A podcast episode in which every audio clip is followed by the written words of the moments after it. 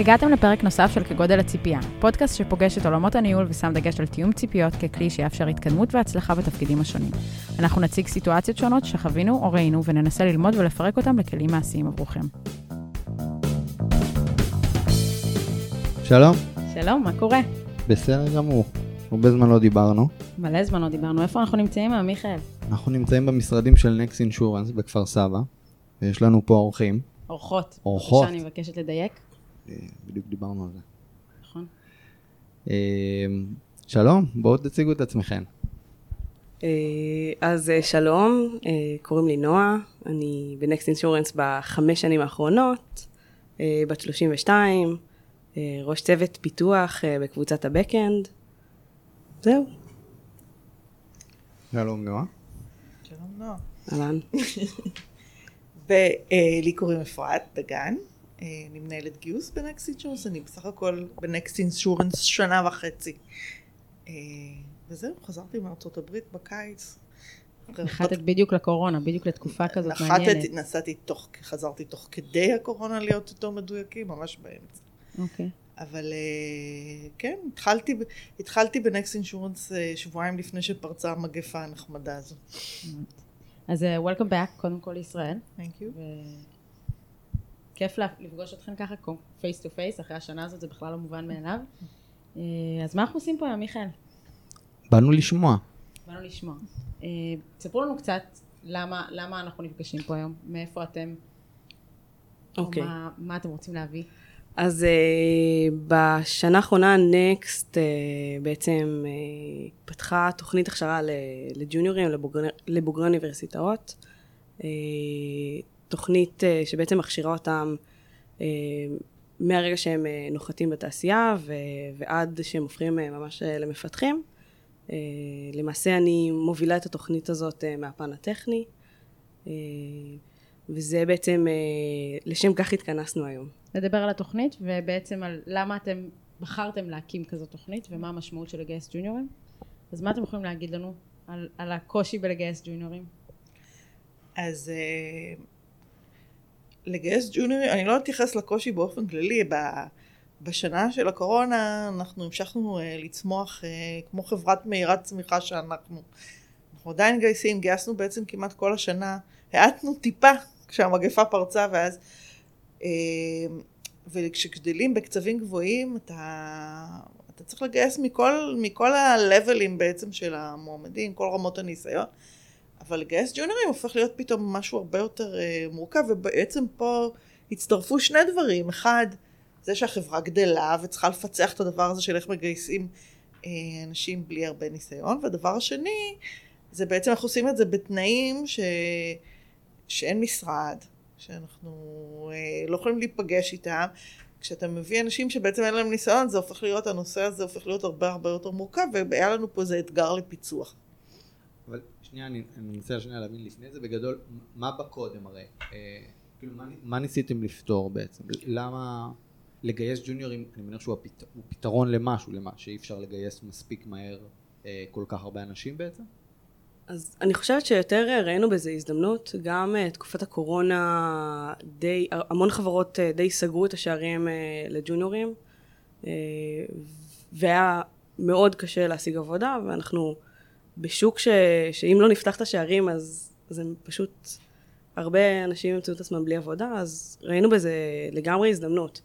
אה, גם, לא רק ממקום של לבוא וזה מה שעכשיו החברה צריכה וזה עוזר לנו, אלא בעצם גם מסוים לה- להחזיר בעצם נכון. לתעשייה נקרא לזה. לגמרי, לגמרי. מדהים, אוקיי, ו- ובאמת לא, לא בכוונה, זה יצא על מגפה עולמית, כאילו, ואז זה בכלל מקשה על כל תהליך הגיוס. אוקיי, אז אולי תספרו לנו קצת על, על התהליך בעצם, איך זה עבד. על תהליך הגיוס, אתה שואל. כן, בוא נתחיל מזה, ואז נראה לאן, אה, אז, מה, עשינו, מה עשינו אה, עם כולם. אז בעצם אה, לקראת התהליך הזה בעצם התחלנו לחשוב מאיפה אנחנו רוצים לגייס את האנשים, איזה רקע צריך להיות להם, מה אנחנו רוצים שהם אה, ילמדו, איזה אופי יהיה לקורס, מה יהיה אורכו, היינו צריכים לפצח בעצם את כל הדבר הזה.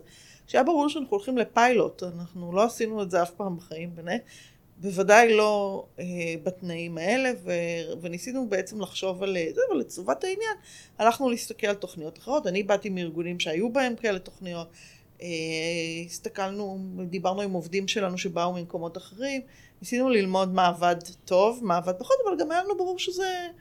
כשהמטרה היא מה? לגייס הרבה עובדים ג'וניורים? בסקי... כאילו, לעשות scale לגיוס של ג'וניורים? המטרה הייתה, אה, הכי חשובה הייתי אומרת, זה כמובן לגייס, זה לא המסה, אלא לפצח בעצם את המנגנון שיאפשר להם אה, להתחיל לעבוד בלי בעצם, ה...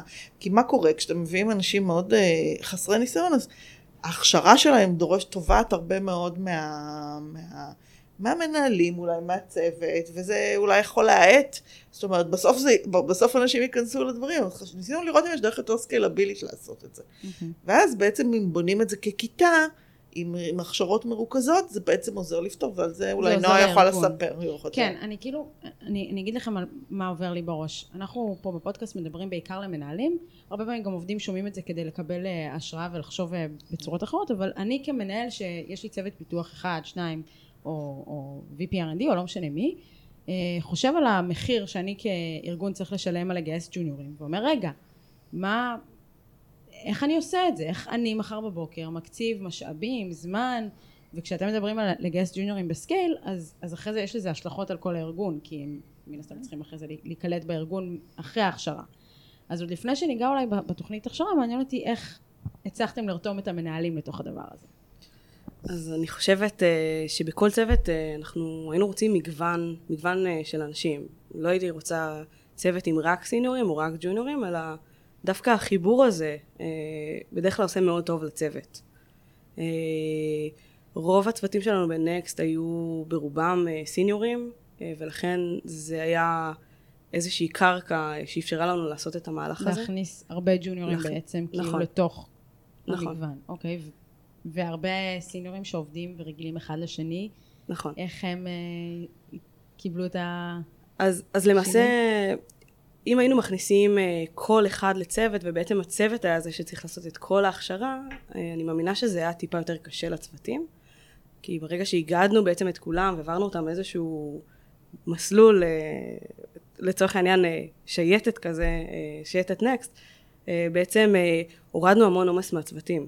כל מיני דברים שהם... Uh, שמבחינת הצוותים הם, הם דברים uh, שלא צריך להתעכב עליהם, ודווקא כשקולטים ג'וניורים אז כן היינו רוצים להתעכב עליהם. כדי שהם ייכנסו בעצם לעומק הדברים, זה, זה הרבה מאוד עומס שירד דווקא מהצוותים. אז מה שאת אומרת בעצם זה מנהל שעכשיו יש לו צוות של חמישה שישה מפתחים סיניורים, יכול לקבל אחד או שניים ג'וניורים, נכון? תקנו אותי אם אני טועה. נכון. כתוצאה מסיום הפרויקט שלכם, או סיום הפיילוט, או תכף נדבר קצת יותר פרטים על מה זה אומר, והוא מקבל מישהו שיכול מחר בבוקר להתחיל לעבוד אצלו? נכון מאוד. כן? לגמרי. אני רוצה שנייה לנסות, לא יודע, לכפור בהנחה ש... צוות צריך להיות uh, גם עם סיניורים, גם עם ג'וניורים, וזה יעשה טוב. למי זה יעשה טוב? אני כמנהל שעכשיו את רוצה לשכנע אותי לבוא ולתת תקציבים לככה וככה גיוסים, אני אבוא ואני אגיד, רגע, סיניורים, הם, יש להם יותר ניסיון, הם כנראה יכולים לעשות פרויקטים גם יותר מורכבים ולעבוד יותר מהר. אני כראש צוות אומר, רגע, יש לי עכשיו חמישה סיניורים, אני מעדיף עוד סיניור, למה שאני ארצה ג'וניור ופה, כאילו זה לא ימשוך את הצוות אחורה? אז, אז כן, זאת אומרת מבחינה מקצועית אני מסכימה איתך, זה כן, בטווח הקצר זה כן טיפה יוריד את הצוות, אבל ב, אם אנחנו מסתכלים כמנהלים בטווח הרחוק, יש המון מאוד שאנחנו יכולים להרוויח מג'וניורים. בעצם כשאליי לצוות מגיע מישהו חדש, שרק סיים, מבחינתי זה דף חלק, אני יכולה לעצב אותו אה, בדרך שאני אבחר. אה, הרבה פעמים כשמגיעים מפתחים מנוסים, אה, נורא קשה להם לעשות את ההתאמות, יש עדיין איזושהי תקופה ש, שבה הם uh, צריכים לעשות את ההתאמות האלה לסטנדרטים של הארגון ושל הצוות כמובן. אני רוצה להוסיף, הדבר הזה יש, יש לזה עוד היבט. זה שמגיעים אה, אה, מועמדים או עובדים קצת יותר חסרי ניסיון, בעצם גם מצמיח את העובדים היותר מנוסים באיזשהו אופן. מייצר להם פה איזשהם הזדמנויות קריירה, להפוך למנטורים, אולי למנהלים. צעירים, אה, וזה מצמיח את כל הצוות. זה נכון שזה לא קורה יום, ובהתחלה צריכים השקעה, אבל זה בדרך כלל אה, רוצים את האיזון הזה בצוותים, ו, אה, ויותר מזה, אם זה לא קורה לאורך זמן, אז, אז המנוסים מתחילים להשתעמם. זה, זה, זה בסופו של דבר נותן משהו לשני הצדדים. אני רוצה, אני, אני רוצה להגיד עוד משהו, אני בצד שלהם הפעם. Uh, סתם, uh, אני ומיכאל אוהבים uh, להקשות ובאמת לאתגר את השאלה, אבל אני רואה את זה בעוד היבט, שזה ה-beginner's mindset, של אנשים שרק נכנסו לתעשייה, יש להם גם הרבה יותר מקום להיות יצירתיים, לחשוב מחוץ לקופסה, כי אנחנו כבר אולי הרבה פעמים התקבענו, כבר ראינו, כבר חווינו, כבר הרגשנו, כבר פתרנו, אה אני זוכר איך עשיתי את זה בחברה הזאת, אה אני זוכר מה לא עבד להם במקום הזה, ודווקא למישהו שמגיע הרבה פעמים פרש, יש את האופציה לנסות, לטעות, לגדול, לגדול ביחד איתנו, והרבה פעמים האנרגיה הזאת שאתה מכניס אותה לצוות של סיניורים, היא אנרגיה ברוכה. אני רואה את זה כשאני מגייסת מישהו שכאילו בא לו ויש לו רעל בעיניים והוא רוצה לעשות והוא רוצה כאילו לפתור ו- ורק תנו לו את הדברים שאף אחד לא הצליח לפתור לפני זה והנה הוא כאילו גם ברמה התרבותית וגם ברמה המקצועית אה, מצליח לפרוץ. עכשיו גם צריך לזכור שזה נעשה בתוך כדי מגפה וזה עוד, עוד סיבה בעצם כי אי אפשר לנהל אה, הכשרה של ג'וניורים בצוותים כשגם ככה עובדים מרחוק וגם ככה יש את ה... אה, את האוברהד הזה של, אה, של עבודה מרחוק, שצוות צריך לגבש אותו אולי, כאילו עבור מנהל זו משימה לא פשוטה גם ככה, וכשאתה מוסיף על זה גם את הג'וניורים, היה נכון בעצם לייצר פה איזשהו מנגנון אה, שיאחוז את זה בצורה קצת יותר מרוכזת, יותר חכמה, ויקל על המערכת, גם מהבחינה הזאת שזה בעצם לא, לא סביבת עבודה רגילה, יכול להיות שאם היה משרד זה היה קצת יותר קל. היה יותר קל. להכשיר כן. אותם, או כן. היה יותר קל לגייס? להכשיר, לגייס להכשיר. כנראה היה הפוך. אוקיי. אה, זה דיוק כן, מעניין, כי זה משנה את התמונה.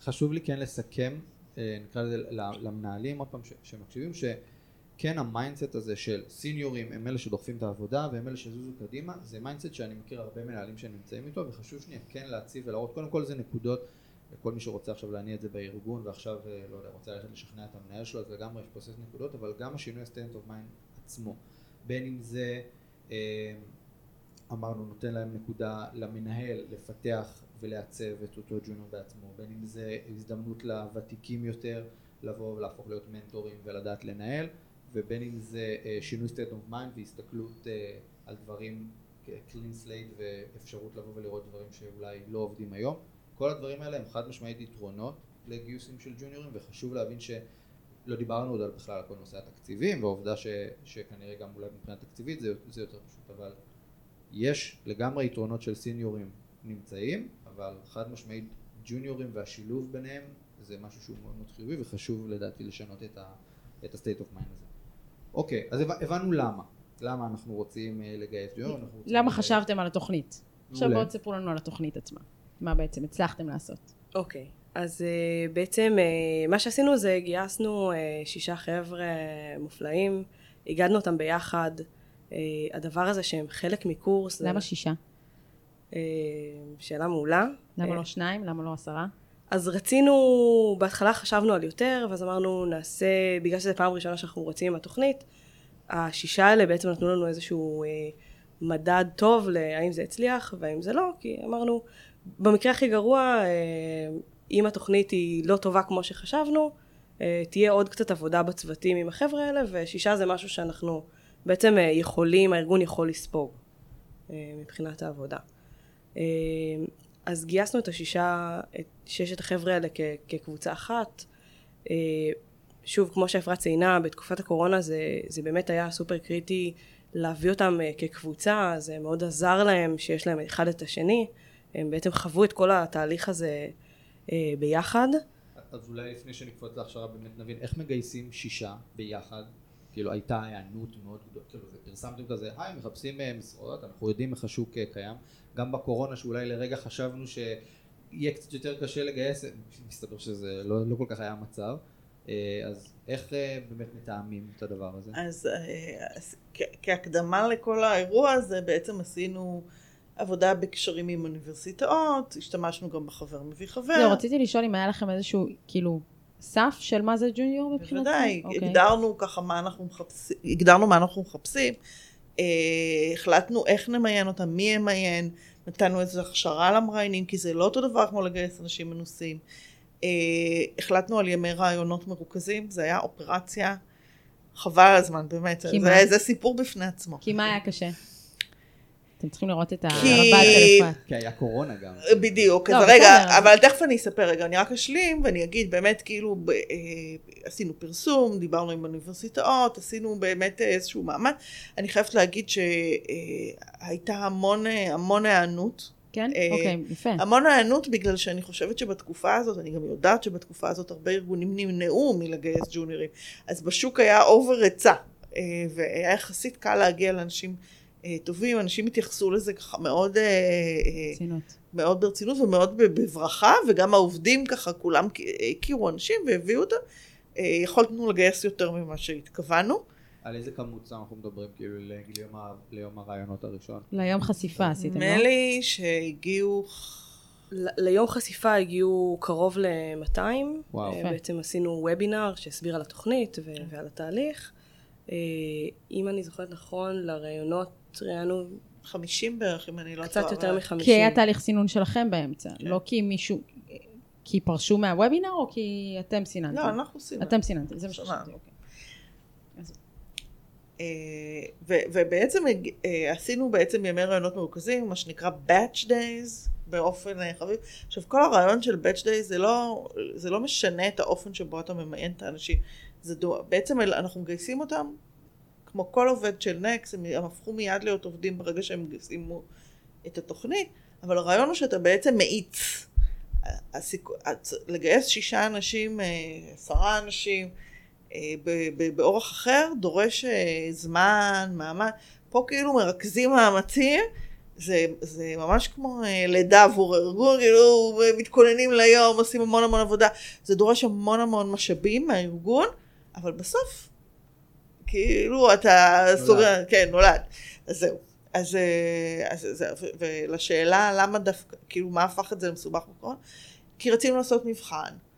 ואז כאילו כל העניין הזה, איך נעשה מבחנים לאנשים בזום, וחדרי זום, והבודקים, ואני חייבת להגיד שכמה שהתכוננו לזה, אני לא חושבת שידענו להעריך את המורכבות. זאת אומרת, אני חושבת שבסופו של דבר החוויה של המועמדים הייתה טובה.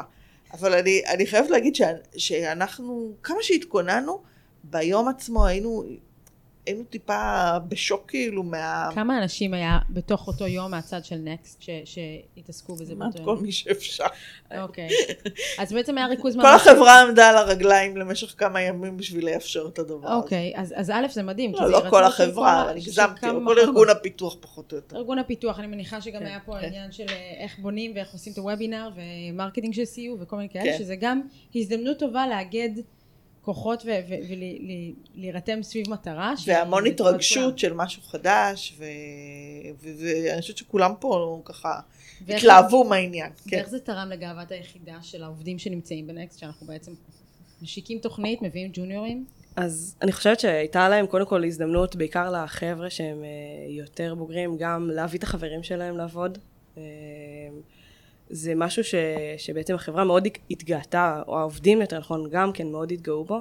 אה, שבעצם, אני חושבת ש, שזה גאווה להגיד שאני עכשיו עובדת בחברה שהיא כן הולכת לכיוון השוק, וכן מגייסת אה, חבר'ה שקשה להם למצוא עבודה דווקא בתקופה כזאת של מגפה עולמית, וכשהרבה חברות אחרות אה, כן באות וסוגרות את התקנים האלה, סך הכל אה, זה זאת אומרת, זה. נותן, זה נותן אה, עוד קצת לכולם מסביב, מעבר לרק, הנה הצלחנו להביא ג'וניורים ולעשות את התוכנית. אני חושבת שזה משהו שחשוב, גם אנחנו כשאנחנו חושבים על דברים כאלה כמנהלים, הרבה פעמים אנחנו מסתכלים על הכאן ועכשיו, וה, ואיך נקצור את הפירות של מה אנחנו עושים כרגע, אבל האימפקט הוא הרבה הרבה יותר רחב מזה, וזה לא מובן מאליו שאנחנו כארגון פיתוח מצליחים לייצר אימפקט על כל הארגונים מסביבנו בעצם, בתוך סיפור כזה. זה מזכיר לי אה, סרטון שראיתי בלינקדאין לא מזמן, מין פרדוקס כזה של אה, מי- מישהי ג'וניורית שלומדת עכשיו, והיא מחפשת עבודה והיא אומרת, אה, אה, אני מחפשת עבודה אומרים, מעולה, את צריכה ניסיון. אז היא אומרת, אוקיי, אני רוצה לעבוד אצלכם ולקבל ניסיון. לא, בשביל לעבוד אצלנו את קודם צריכה ניסיון.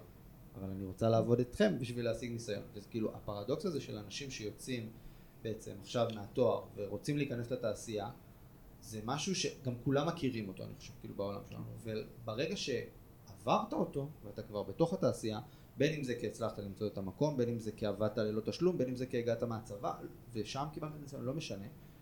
הרבה פעמים אנחנו שוכחים את זה. אנחנו אומרים, אנחנו עברנו את זה, אוקיי, ועכשיו ש... שהשאר יסתדרו. ואני חושב שהנקודה הזאת ש... שנגעתם בה, גם בהתחלה, לבוא ולתת גם משהו, נקרא לזה חזרה ל... לאותה קהילה, כן, לקהילת אה, הייטק הזאת. בטח בתקופה של קורונה, אני חושב שזה לא משהו מובן מאליו, אני חושב שגם זה משהו שצריך להיות ב state of mind שלנו. חייבים לבוא ולמצוא את הדרך, וזה לאו דווקא ב... לא יודע, כסף, או, או, או כאילו יש את הימים... כן, זה מייצר לתהליך הארגוני הזה איזושהי שורת רווח כפולה, שהיא, שלעובדים גאווה להיות חלק ממנה בסוף, נראה לי. לגמרי. אה, אני, אני מאוד מסכימה עם מה שאתה אומר, אני גם חושבת ש... אה, יש היום תחרות מאוד מאוד פרועה על טאלנט, כן? בתחום שלנו, אה, הרבה חברות גייסו כסף לשמחת כולם, ו, ויש המון הזדמנויות עבודים, אבל הרבה פעמים אה, חברות קוטפות, מבלי בעצם באמת להשקיע בחזרה באקוסיסטם, וזה מין דוגמה למשהו שאתה יכול לעשות, ובסופו של דבר אתה מגדיל את העוגה. אה, וזה דבר מאוד חשוב שכל חברה בעיניי צריכה לעשות, כי זה נורא פשוט, כי בסוף אנחנו מתחלקים באותה עוגה, וכל אחד מקבל חתיכה הולכת וקטנה, ואם אנחנו לא נגדיל את העוגה אז אנחנו נהיה בבעיה. כן. אני, אני חושבת שגם בתור אחת שיושבת בדיוק מהצד הזה של לנסות לגייס, אני חושבת שזה מעורר השראה מבחינתי, האמירה הזאת של כן, אני מוכן להשקיע עכשיו, כי, כי התועלת לכולם סביבי, בין אם זה ארגונים אחרים ובין אם זה אנשים אחרים, וברור לי שיש סיכוי שאותו ג'וניור שגייסתי והשקעתי בו אחרי שלוש שנים יעבור למקום הבא, כי ככה העולם עובד. נכון. וזה יהיה בחפץ לב ובאמירת אה, שלום יפה, היא משהו שהיא מאוד לא מובן מאליו. וככה גלשנו מהתוכנית, אז ככה אני רוצה ש... אני עדיין חושב שזה חשוב. אני חושבת שזה מאוד חשוב, כאילו, מאוד חשוב. אם ייקחו מפה, לא יודע, כל מאזין ייקח אה, חזרה ו... כמו שאת אומרת, יתרום חזרה לעוגה בסופו של דבר. אה, א', גם לא כל חברה וחברה במרכאות תרגיש פריירית, שרק היא כאילו אה, משקיעה. לא שאנחנו עוד פעם עושים את זה בשביל לקבל בחזרה, אבל אם כולם יעשו את זה, באמת נוכל להגדיל את העוגה. זה יהיה עולם טוב יותר. עולם טוב יותר. עולם טוב יותר. אני, אני רק אגיד, טאלנט לא תמיד מגיע במצב בשל ומוכן. ואת המלאכה הזאת של בעצם להבשיל, כן? זה, זה לא תמיד דרך אגב ג'וניורים, זה גם נכון. יכול להיות אה, אנשים שאולי לא נראים כמו הדבר שאתה רגיל לראות אותך. והמאמץ הזה הוא משתלם לאורך זמן, וב, ובסופו של דבר, אם כולם היו עושים את זה קצת יותר, אז כולנו היינו נהנים מזה, זה הכל. אוקיי, מעולה. אז אה, יצאנו מהיום אה, אה, עיון הזה. הגענו ל-50 מועמדים ש... כמו צבא. לא, זהו, קודם היה את היום חשיפה, הגענו ל-50 אה, מועמדים שהגיעו ליום רעיונות, היה שם קשה, מבחינת הלוגיסטיקה, אבל להם הייתה חוויה טובה, ואז מה? ואז אה, בסופו של דבר בחרנו, כן, עשינו, עשינו ימי רעיונות מרוכזים, אה, זה התחיל ממבחנים, ממבחן, צמצמנו מבחן טכני? כן, בנינו בעצם בנינו ממש אה, ימי רעיונות מוכנים, זאת אומרת ידענו מי הולך לראיין, מה הולך לשאול, ופשוט שיבצנו את האנשים לתוך הרעיונות האלה. זאת אומרת כל המועמדים עברו פחות או יותר את אותו דבר. תהליך מובנה, ולכם... תהליך גיוס שלנו מובנה גם ככה וגם פה זה היה, ובסופו של הדבר הזה בעצם עשינו איזושהי, אה, עשינו איזושהי ישיבה עם כל הנתונים מהכל וקיבלנו החלטה מי השישה שיזכו אה, להצטרף. אוקיי, okay, אז הלכתם בראש עם, ש... עם מספר של שש, לא... לא זה כאילו ה top שש הלכו? והיו לנו גם עוד כמה, ש... ובאמת בסוף כאילו כן, אבל לא עשינו stack ranking או משהו כזה, okay. אוקיי. אלא, אבל, אבל באמת כאילו זה בסופו של דבר, אם היינו רוצים לגייס טיפה יותר אולי אפשר היה, כן, וכאילו התלבטנו, יכולנו כאילו אה, קצת, אה, לקחנו בחשבון שיכול לקרות מין דבר כזה שנציע למישהו ובסוף הוא החליט שהוא לא, לא מגיע, כן. או... אז עשינו טיפה יותר, כן, okay. היה אוקיי. שם איזה עודף, אבל אה, כן. ואז נועה אולי תספר לכם על התוכנית. עוד כן. שנייה לפני כן. התוכנית, ממש מעניין אותי לשמוע איך, איך כאילו באמת סיננתם את המועמדים, כי זה עבודה קשה, והרבה פעמים מנהלים שאני מדברת איתם אומרים לי שהרבה יותר קשה להם לבחון ג'וניורים בהיבט נגיד של security, לא יודע, אין לו שום ידע, אין לו ניסיון, הוא לא עשה את זה, או בהיבטים של, של ארכיטקטורה, או בכל מיני היבטים שלפעמים לומדים בצורה מאוד מאוד מסוימת מאיפה שהם הגיעו, אבל זה מאוד לא רלוונטי לתעשייה שלנו. אז איך הצלחתם לבחון את הדברים האלה? אז, אז למעשה כל רעיון אה, היה, התאמנו אותו בעצם לקהל היעד, זאת אומרת, אני לא אשאל אה, מישהו שכרגע סיים אוניברסיטה שאלה שאני שואלת מישהו שהוא עשר שנים בתעשייה, אז אה, בחרנו את השאלות הנכונות שאנחנו חושבים שהן נכונות, ופשוט רצנו עם זה.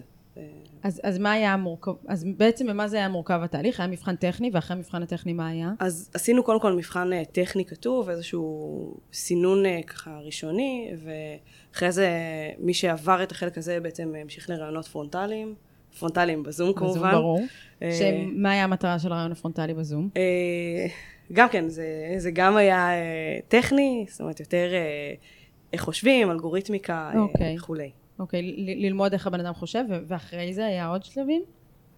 אה, היה רעיון HR, היה היה את הסוללת רעיונות הרגילה. שאנחנו עושים למועמדים. אוקיי. זה משהו כמו ארבעה רעיונות. ומבחינת הצד של המועמד, הוא, חווה את הכל ביום אחד. זאת אומרת, גם לו זה היה... לא, לא. אוקיי.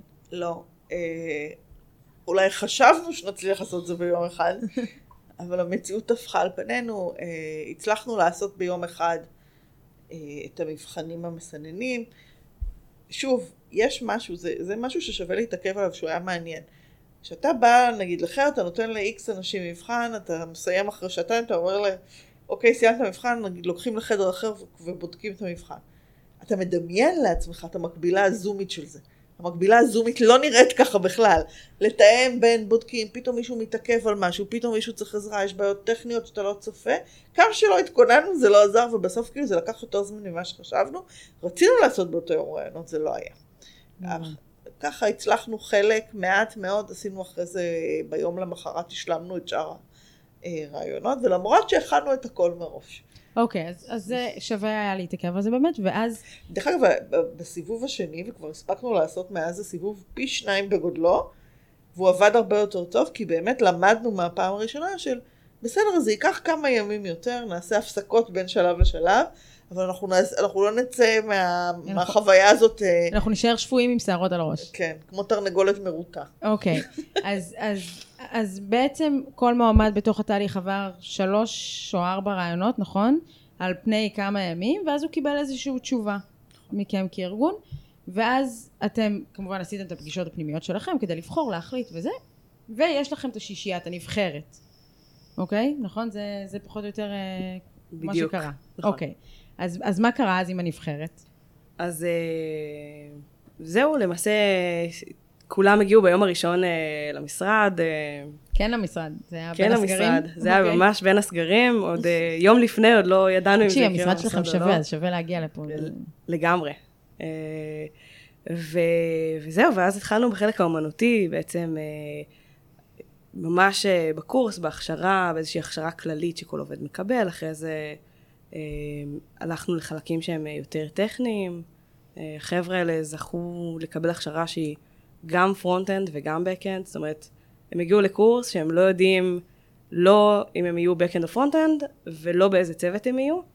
אה, וזה... ואיך הם הגיבו לזה? זאת אומרת, עלו סביב זה שאלות? זה הרתיע? גרם להם אולי להתרגש יותר דווקא? אז, אז אני חושבת שזה, מהתגובות ש, שאני קיבלתי, זה, זה התחלק מאוד ל- לשניים, זאת אומרת, זה לא היה באמצע. Uh, היו כאלה שזה ממש uh, לא הטריד את, uh, לא, לא הפסיק להטריד אותם uh, מהיום הראשון, uh, והיו כאלה שאמרו, וואו, זה, זה הזדמנות מטורפת, יש לי הזדמנות לבדוק את זה ולבדוק את זה ולהחליט מה אני אוהב יותר. Uh, אז זה ממש... זה אנשים שהחוסר ודאות שם היא כן, פחות ה... אוקיי, בסדר. וזה בעצם, זה כאילו קורס שהכנתם אותו מראש, זאת אומרת, אה, את התכנים שלו, אני מניח. נכון, אה, שאת הובלת, נכון. נכון? והיית, את, את בעצם העברת את ההרצאות הט- הטכניות, או את כאילו קימבצת אותו? אז, אז אני אגדתי הכל, אה, חלק מההרצאות הטכניות אני העברתי, חלק, אה, הרבה אנשים מהארגון, אני חושבת שזה נתן אה, המון הזדמנות לאנשים מהארגון כאן. וכל ההרצאות הטכניות היו face to face או זומי? אז כאילו, הרוב, הרוב היה בזמן. בזום, אה, היו מעט מאוד אה, הרצאות פרונטליות, זה, שוב, זה היה בין הסגרים, אז אה, זה היה קצת קשה לחלק מהאנשים להגיע למשרד. אה, ואם אבל הכשרה רגילה, לא, לא במסגרת הקורס, אז אתה עושה גם, יש לאותו אה, עובד חדש הרצאות פה, הרצאה שם, טופס טיולים פה, ללכת להכיר את ההוא, ובין לבין יש, יש לו צוות, הוא כבר יודע הרי איפה הוא נמצא בדרך כלל, ואז הוא מדבר עם הצוות, לומד קצת את העולם תוכן הספציפי פה או שם. במקרה הזה, אוקיי, היה לה הרצאה בבוקר של שעתיים וחצי, מגניב, מה מה הוא עושה עכשיו עד ה... כאילו, איזה, באיזה עולם תוכן הוא נמצא? אז-? אז סידרנו את ההרצאות, אה, בעצם הקורס התחלק אה, לשני חלקים, אה, או יותר נכון לשלושה חלקים. חלק אחד זה, זה באמת הרצאות, חלקם גם היו hands-on, זאת אומרת ממש workshops, אה, אתם יצרתם? שאנחנו יצרנו. מדהים.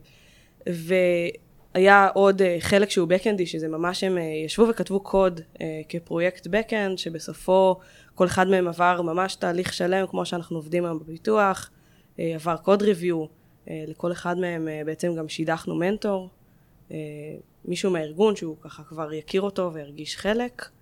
אה, והיה לנו גם אה, חלק של, של קורס front-end, שהוא גם כן אה, היו הרצאות, אבל אה, גם רובו היה hands-on ופרויקט, ובעצם שני החלקים האלה אה, של ה-Backend וה-Frontend התחברו בסוף לכדי פרויקט אחד גדול. אה, זה נתן איזושהי חוויה של... של... לטובת הלמידה או שעשיתם עם הפרויקט הזה משהו? לא, זה אך ורק לטובת הלמידה. אוקיי. אה, זה נתן איזושהי זווית מאוד מעניינת, כי בעצם לרוב שאנשים נכנסים לתעשייה הם או- או Backend או Frontend, והם רואים את הדברים מזווית מאוד מאוד מסוימת. כשמגיעים ובעצם עושים גם וגם, זה נותן בעיניי אה, למפתח איזשהו, איזשהו אה, יתרון, כי הוא פתאום גם מאוד מבין את הצד השני. כמה זמן היה כל התוכנית הזאת? אז כל התוכנית הייתה אה, סך הכל אה, שמונה שבועות. אוקיי, וואו, זה ארוך. כן, זה ארוך. שבמהלכה גם לומדים front end backend וגם לומדים את עולם התוכן של, של נקסט, כאילו זה גם מגיעים לאזורים האלה, כן. של צוותים, business. אז אה, כן, ברמת ה business, אה, כן, וגם אה, היכרות מאוד בסיסית עם כל הדומיינים שבעצם יש בחברה. כשהמטרה היא בסוף שהם יצאו מהקורס עם, עם ידע טכני, שכל מה שהם יצטרכו להשלים כשהם מגיעים לצוותים זה בעצם ה-domain knowledge. בעצם הידע הספציפי שהצוות עוסק אותו בו. צוות, זה ה content של אותו צוות. בדיוק. אוקיי, אבל, ובשמונה שבועות האלה, את כל כולך רק בזה? אז, אז כן, זאת אומרת, מבחינת הלו"ז אה, וכולי, זה, זה אני, אבל אה, כמו שאמרתי אה, קודם, אה, זה נתן, אה, בעצם לא אני העברתי את כל ההרצאות, אלא נתנו פה הזדמנות להרבה אנשים מתוך הארגון, אה, גם לצמוח. אה, רוב, רוב התכנים בעצם הועברו על ידי אנשים אה, מהארגון. שהם בנו את התוכן? או ש- שאת את אמרת מה את צריכה וקחו תעבירו? אז אני נתתי רק איזושהי כותרת כזאת בהיי-לבל, ואחרי זה גם עברתי לראות שזה באמת אה, מותאם אה, לאוכלוסיית Level? היעד. כן, אוקיי. אה, אבל כן, הייתה להם כאילו הזדמנות כאן אה, ממש אה, לכתוב תכנים. וזה היה יותר שלי. מנהלים או, או, או גם מפתחים, אה, כאילו individual contributors? אז השתדלנו שזה יהיה גם וגם. אה, בעצם כל מי שרצה, ניסינו כן לייצר את כמה ההזדמנות רצו? הזו. המון. המון, אוקיי. המון, זה בסוף אה, לא כולם אה, נכנסו, אבל, אבל כמעט כל מי שרצה נתנו לו, וזה באמת היה המון. ואני כמנהל בארגון, לצורך העניין, אני עכשיו צריך לקבל ג'וניור. עשיתם איזשהו, לא יודע, אישור קו עם המנהלים, או חפיפה, או איזשהו לימוד למנהלים עצמם, כאילו... אתה מדבר שמה? כבר על היום של אחרי, זאת אומרת נגמר, אני מדבר נגמרת מהעולם, התוכנית, לא של הגיוס אה, ושל העובדים החדשים, אלא מאלה שנמצאים. אני כמנהל, עד עכשיו גייסתי, עבדתי רק עם סיניורים. אולי אני תפקיד ראשון שלי, שני לא משנה, אבל אני עבדתי רק עם אה, סיניורים. יש איזושהי התאמה, אפילו כן, ברמת הציפייה שלי של מה הוא יכול ומה הוא לא יכול לעשות עם אה, ג'וניור. אבל. אבל, אתה, אבל עדיין, אתה מדבר על היום שאחרי כבר התוכנית. אז את רוצה לעצור אותי? לא, אני? שואלת. כן. אני, כן אוקיי. אולי נעשה לפני. אולי כאילו היה איזשהו, אני מנסה להבין אם, אם היה איזשהו אישור קו, או אולי הכשרה למנהלים, או שאמרנו, טוב חבר'ה, אתם תקבלו ג'וניורים, וכאילו תסתדרו, הכל טוב. אז, אז קודם כל, אה, אני חושבת שבתור אה, מנהל, ש, מנהל שבסוף מקבל את הבן אדם, צריך להבין ש, שמגיע ג'וניור לצוות, עם כל ההשלכות של זה. אם זה אומר, עדיין להקצות את הבן אדם, שכשהג'וניור הזה נוחת בצוות, עדיין שהוא קצת ילווה אותו לפני שעוזבים את היד. אה, ו, ובעצם הציפייה שלנו מג'וניור היא צריכה להיות ציפייה ריאלית. זאת אומרת, חזק ככל שהוא יהיה, עדיין הניסיון אה, משחק פה תפקיד, אה, כשהמטרה הייתה שבאמת ייכנסו לצוותים ו- והם יהיו ג'וניורים, אבל לא ג'וניור אה, ביומו הראשון. אז אחרי שמונה שבועות של התוכנית, סיימו את כל ההכשרות, זה לא הייתה תוכנית מסננת, נכון? נכון. כמו שאני מבינה, שישה התחילו, שישה סיימו, נכנסים היום אה, כבר לצוותים, ואז מה? איך יודעים אם זה הצליח חל- או לא? עשו טקס חלוקת תעודות? אז קודם כל כן, ממש. אה, עשינו טקס חלוקת תעודות, זה היה מרגש, אה, נראה לי, לכל, הצד, לכל הצדדים, זה גם הקורס הראשון, זה תמיד מרגש. אה, עשינו בעצם, אני יכולה להגיד באופן אישי שאני קיבלתי אליי לצוות מישהי מהקורס, אז ככה שאני יכולה להעיד שמבחינתי, מהזווית שלי, הקורס כן הצליח וכן ענה לציפיות. אחרי חודש שהחבר'ה האלה בעצם היו בצוותים, עשינו סייקל עם כל המנהלים להבין מה היה טוב, מה היה פחות טוב, איזה חוסרים היו מהצד שלהם בתוכנית, אה, וכמובן שאת המחזור הבא, שכבר היום הוא נמצא באמצע, אה, עשינו את כל ה-adjustments שצריך. מתוך התוכנית, מתוך השישה אנשים, אה, מה הפידבק העיקרי ששמעתם מהם על התוכנית? מהמנהלים או לא, מה... מה... מה... מה... מהעובדים? מהעובדים החדשים, מהצעירים שהצטרפו אליהם. אז uh, קודם כל הם uh, מאוד נהנו. זאת אומרת, הם, כל אחד מהם uh, נחשף uh, בעצם לעולם ומלואו. אז מה שהיום אני אפתח backend, אבל חוויתי גם וגם, ואני עכשיו uh, במאה אחוז יודעת שזה מה שאני רוצה לעשות. Uh, וגם uh, אני יכולה להגיד, כאילו באופן אישי, על, על הצוות שלי, ש... עצם זה שהגיע בן אדם חדש לצוות, ואחרי פחות משבוע כבר יש feature חדש ב production, אמנם הוא יחסית קטן, אבל הוא כבר ב production, זה, זה, זה מדהים. זה גורם גאווה ענקית uh, למישהו שהוא רק סיים אוניברסיטה. כן, זה ברור, זה בטוח. זה, אני שומע עולם מאוד אוטופי. אני מנסה להבין... uh, מהתהליך שבו, אני, עוד פעם, אני לא, I'm not trying to poke holes, אבל כאילו כן להבין איפה כן היו הקשיים. זאת אומרת, מהרגע שבאתם ואמרתם, אוקיי, אנחנו צריכים לגייס הרבה אנשים, בואו נגייס ג'וניורים, לקחת את זה ללידרשיפ, לקבל תקציבים, לעשות את היום גיוס, לעשות את הקורס, להביא אותם לצוותים. כל המנהלים היו on board ואמרו, וואי, איזה מגניב, יאללה, נקבל ג'וניורים, או שכן, כי אני מדמיין כאילו שיחות על אצלנו וכזה, יש מישהו שאומר, שומעים, אני לא רוצה ג'וניור, מה? או אני עמוס, אני לא כן, יכול כרגע, כאילו, אני לא, אין לי capacity. אין לי אפילו מי לשים אותו, שיהיה נכון. המנטור שלו. בעצם התוכנית נולדה מהחששות, צריך להגיד. זאת אומרת, זה בכלל לא היה כזה ברור שאנחנו מסוגלים לעשות את זה, ואולי בגלל החשש של איך בכלל נגייס ג'וניורים בתוך תקופה כל כך מורכבת, צמחה התוכנית הזאת שניסתה לתת לחששות האלה היא בעצם מענה. כאילו, כן. אני זוכרת שדיברנו בטלפון ואמרת, if you have a problem, the way to solve it זה כאילו to make it bigger. נכון. אז, אז בעצם עכשיו נח, לא ידענו, אמרנו ננסה, ובואו נראה אם זה יעבוד. אה, וזהו, עכשיו גם השאלה אם זה עובד או לא, זו שאלה שעוד עדיין אין עליה עד הסוף את הפתרון. אולי עוד שנה, עוד שנתיים נהיה יותר חכמים להגיד, אה, אני, אני יכולה להגיד מניסיוני, שוב, אה, שהוא. מעבר לנקסט, כן? שב, שבדרך כלל דווקא אה, עובדים ג'וניורים הרבה פעמים מתקדמים יותר מהר ו, אה, והופכים להיות כאילו כוכבים גדולים מאוד בארגונים. לא כולם כמובן, אבל כאילו בממוצע אפשר להגיד כאילו שזה השקעה שמאוד מאוד משתלמת לארגון, אבל היא דורשת אומץ ארגוני, ואין ספק, חשששות וטעויות יכולות לקרות, וכמו בכל אז, דבר אז שעושים. אז נגיד, בצוותים עצמם, נרד רגע לרזולוציות של team leads ו group leads, האם הייתם צריכים לבחור את הצוותים שהשישה ייכנסו אליהם שהם יהיו יותר כאילו on board לזה, או שכל צוות פשוט החלטתם, אה, פה יש לי resource שאני צריכה, אז פה אני אשבץ, וזה לא משנה מה, מה אותו מנהל חשב. אז אני חושבת שזה היה שילוב, זאת אומרת, מנהל ש... שביקש שלא, אז כמובן לא ניתן לו מישהו בכוח אה, לצוות, אה, וכן יש צוותים שיכלו, יכלו לספוג את זה, שיכלו אוקיי. לקבל את העוד אחד. אוקיי, okay, והיום המנהלים שביקשו שלא, מה הם חושבים?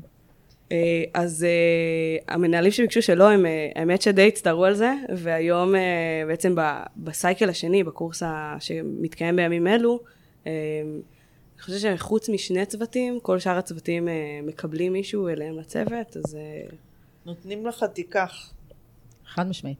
וכשאתם, uh, וכשאתם היום uh, בעצם מתחילים את, את, את, את הסייקל השני, את התוכנית השנייה, האם כבר שיבצתם, כאילו מהיום הראשון שהם מתחילים, הם כבר יודעים לאיזה צוות הם ילכו? כן. כן, זאת אומרת, אז הם יכולים כבר להתחיל ליצור אינטראקציה עם נכון. הצוות, עם הראש צוות.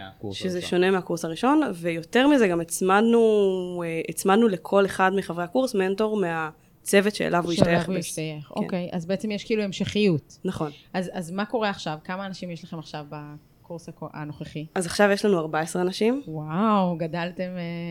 כן, גדלנו משמעותית. אה, זה, זה רק אומר שזה זה כן היה יותר. קשה לגייס 14 במקום 6, או שזה... כבר היה, אני חושבת שכבר היה טיפה אה, יותר קל הפעם. זה הלמידה. דווקא, כאילו ברור שזה דרש יותר מאמץ כאילו להגיע לאנשים, אבל מבחינת ה... כן, זה כבר אה, משהו שעשינו אותו, אז השריר כבר בארגון קיים. באנו לזה קצת יותר מפוקחים, ועשינו, וזה עבד כאילו לוגיסטית, ויתרנו על כמה דברים שהיו נראו נורא קריטיים בפעם הראשונה, וידענו כבר לשחרר כמה דברים שאפשר היה לשחרר, וזה עבד, אני חושבת שזה עבד יותר טוב, יותר חלק, בעיקר בתחושה שלנו. כן, שזה היה יותר ב control. אנחנו כאילו יצאנו מזה נושמים ורגועים, וזה, ואם נעשה את זה עוד פעם, כשנעשה את זה עוד פעם, לא אם, אז אה, בטח זה יהיה אפילו עוד יותר טוב. אז מה אתם מכוונים באמת? לעשות כמה תוכניות כאלה בשנה כארגון? אנחנו עוד לא, אנחנו עוד לא יודעים. זאת אומרת, אנחנו מחכים, אה, זה היה מאוד אינטנסיבי, עשינו את זה, את התוכנית הזאת בזו אחר זו. אם, אם אתם שואלים אותי, וכדאי לכם, אז אה, התוכניות האלה צריכות להיות בעצם אה, אה, קשורות בעצם למתי אנשים מסיימים ב... אז כאילו בדרך כלל ארגונים של עושים- של, של האוניברסיטאות. אז כאילו בדרך כלל לא פותחים יותר ממחזור או שניים אה, בשנה. בשנה. זה גם המון, לה... אני חושבת שלעכל ארבעה מחזורים כאלה בארגון, לא משנה מה הגודל שלהם, זה מאמץ עצום מהארגון. מצד שני זה מאיץ את הגיוס, כן? אבל זה, אי אפשר לעשות את זה בלי סוף. וככל שהזמן עובר, אתה בונה מסביב לזה, כן, מערך יותר ויותר משוכלל, אבל זה לא, אה, אני, אני לא חושבת שכאילו נכון לעשות אה, כל חודש כזה מחזור. זה... זאת אומרת, אפשר פעם, לעשות פעמיים מחזורים בשנה מאוד זה- גדולים, כן. אבל פעמיים בשנה כשהאוניברסיטאות. כן. ואת את מזכירה כל הזמן את האוניברסיטאות, זה היה מקור הגיוס העיקרי שלכם? של ג'וניורים? אני, מאיפה, את מתכוונת שהם בלי תואר? או בלי תואר, א', כן. כי היום יש הרבה תוכניות אקסלרטור כאלה כן. של אה, למידה והכשרה, כן, הסבה וכאלה. הסבה וכל מיני כאלה. אה, אז א', האם זה בא בחשבון מבחינתכם? ואם כן, אם כן או לא, אז, אז למה? אני לא יודעת להגיד לך על העתיד, אבל בינתיים אנחנו, אה, אה, ד- כיוון שאנחנו מגייסים עוד ב- בקצבים יחסית, אה, אולי זה נשמע הרבה 14, אבל זה עדיין אה, קצבים אה, לא עצומים. אני חושבת שאנחנו, אה, בעצם כאילו, כשאתה לוקח מישהו מהאוניברסיטה, הוא כבר בא עם איזשהו בייס של ידע, שקל לנו יותר להסתמך עליו, כן? עכשיו, זה לא אומר שבעתיד, אם נגייס, אני לא יודעת מה, יום אחד 300 ב- בכל מחזור, זה יכול להיות שנצטרך קצת לשחרר את ה-restriction הזה. אוקיי, ואיך אתם, ובעיקר, עיקר הפרסום שלכם זה דרך האוניברסיטאות. לא, לא רק, גם דרך הרשתות החברתיות, ועשינו שיווק. לג'וניורים. כן. אוקיי, נקסט היא חברה אה, גלובלית. כמה לא מרכז הפיתוח בארץ לקח חלק בתהליך הזה? זה מעניין.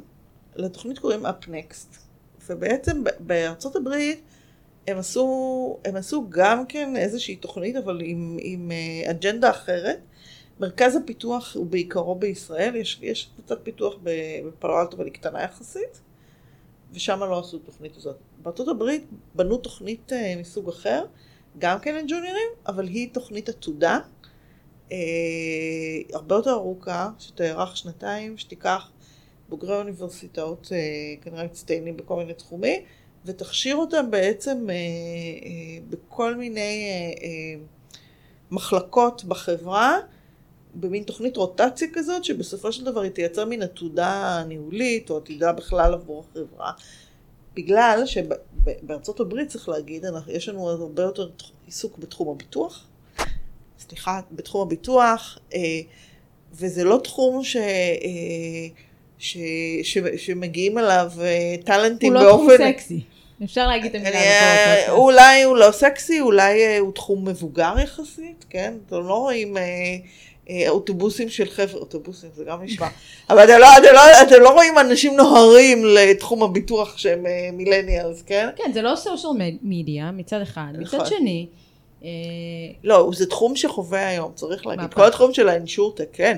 אבל עדיין, כאילו, אולי אנשים לא יודעים על זה וזה, והדרך הזאת של לעשות מין איזושהי תוכנית רוטציה כזאת, אז היא דרך אחרת. אז שם כבר מדובר על תוכנית הרבה יותר ארוכת כן, טווח, עם איזה אג'נדה, זה- זה- ועם אג'נדה אחרת לגמרי.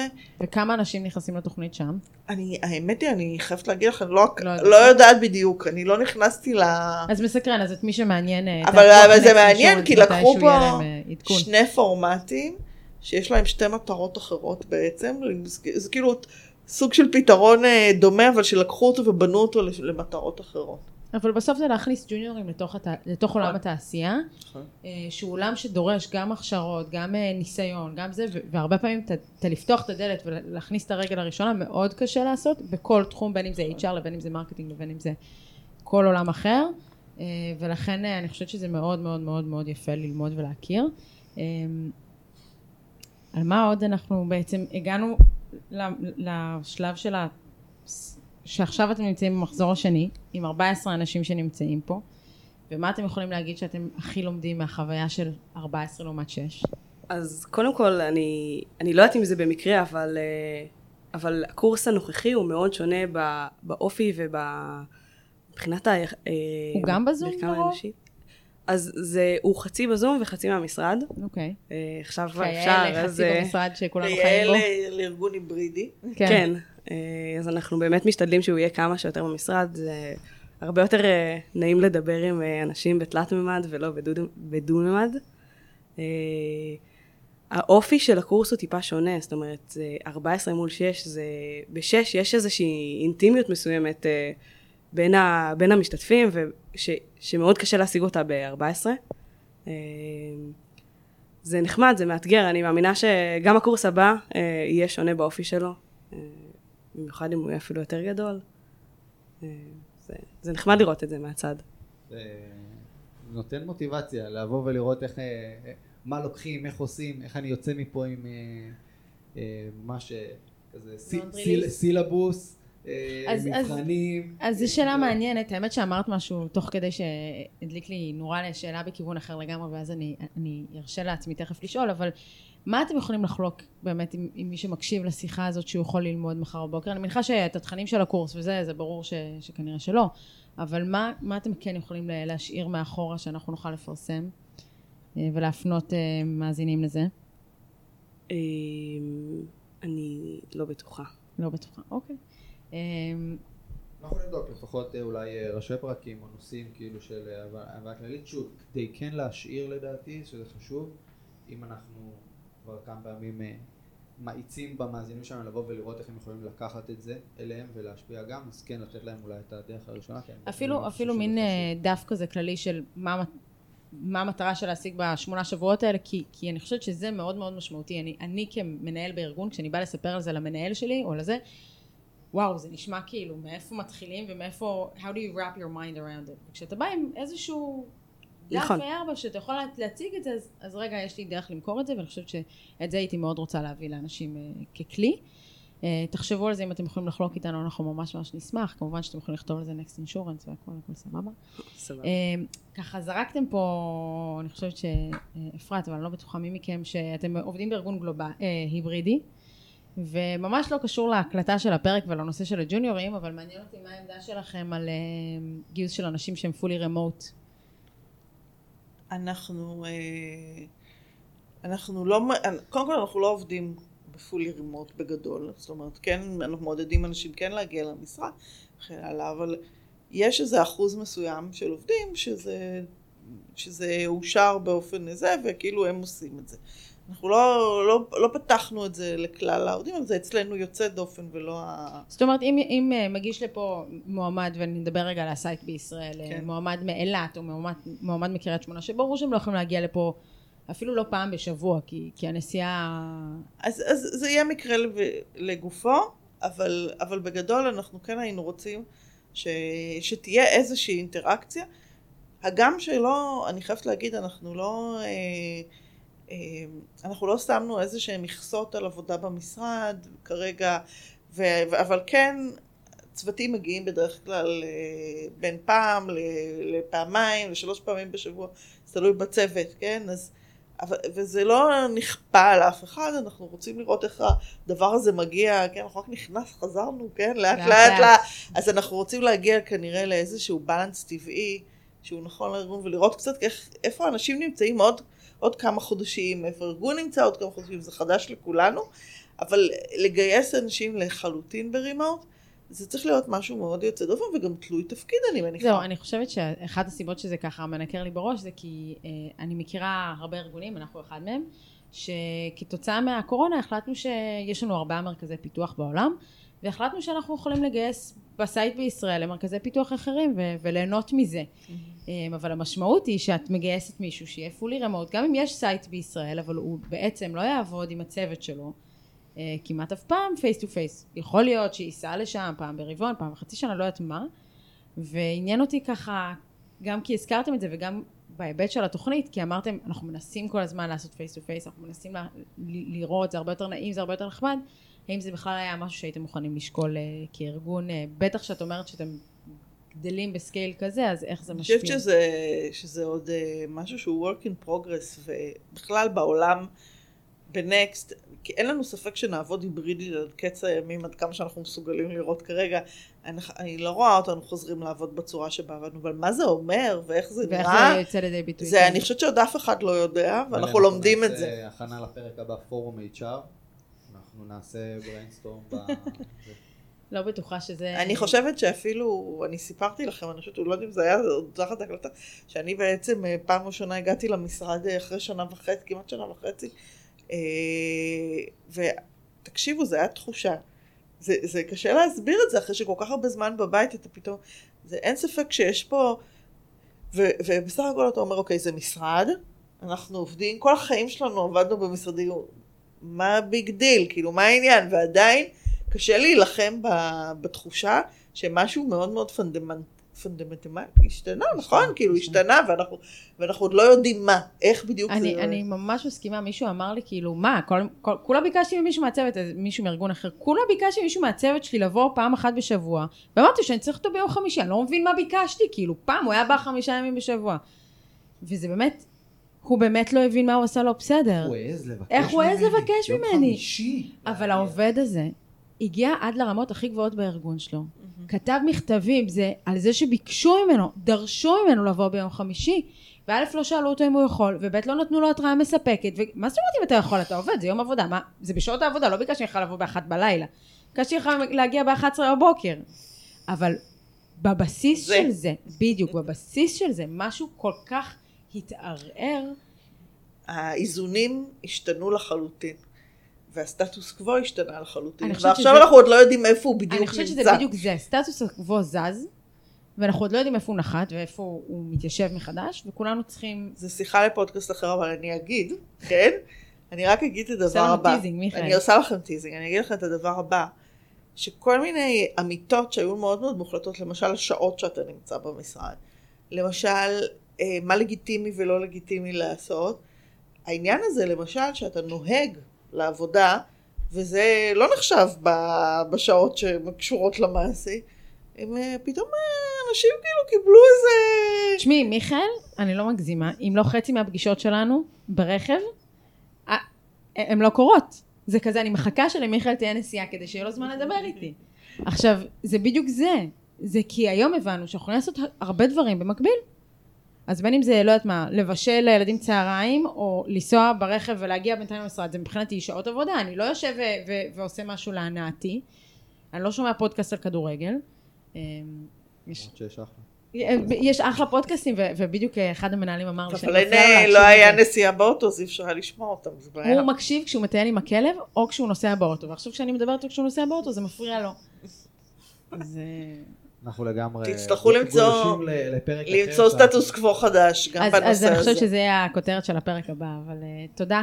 תודה על לכם. ה, uh, תודה על רבה. השיתוף, ותודה על הנכונות באמת uh, לפתוח את הלב ולפתוח את, ה, את, הש, את הדלת של המשרד uh, ולהביא ג'וניורים ולהכשיר uh, אנשים שבאמת uh, הרבה פעמים דריסת הרגל היא יותר קשה בתוך התעשייה, uh, וזה מאוד מאוד מאוד חשוב, ואני אישית שמחתי להכיר ושמחתי לבלות אתכן. אז תודה תודה רבה. לכם. תודה תודה לכם. רבה, בהצלחה. תודה. ביי.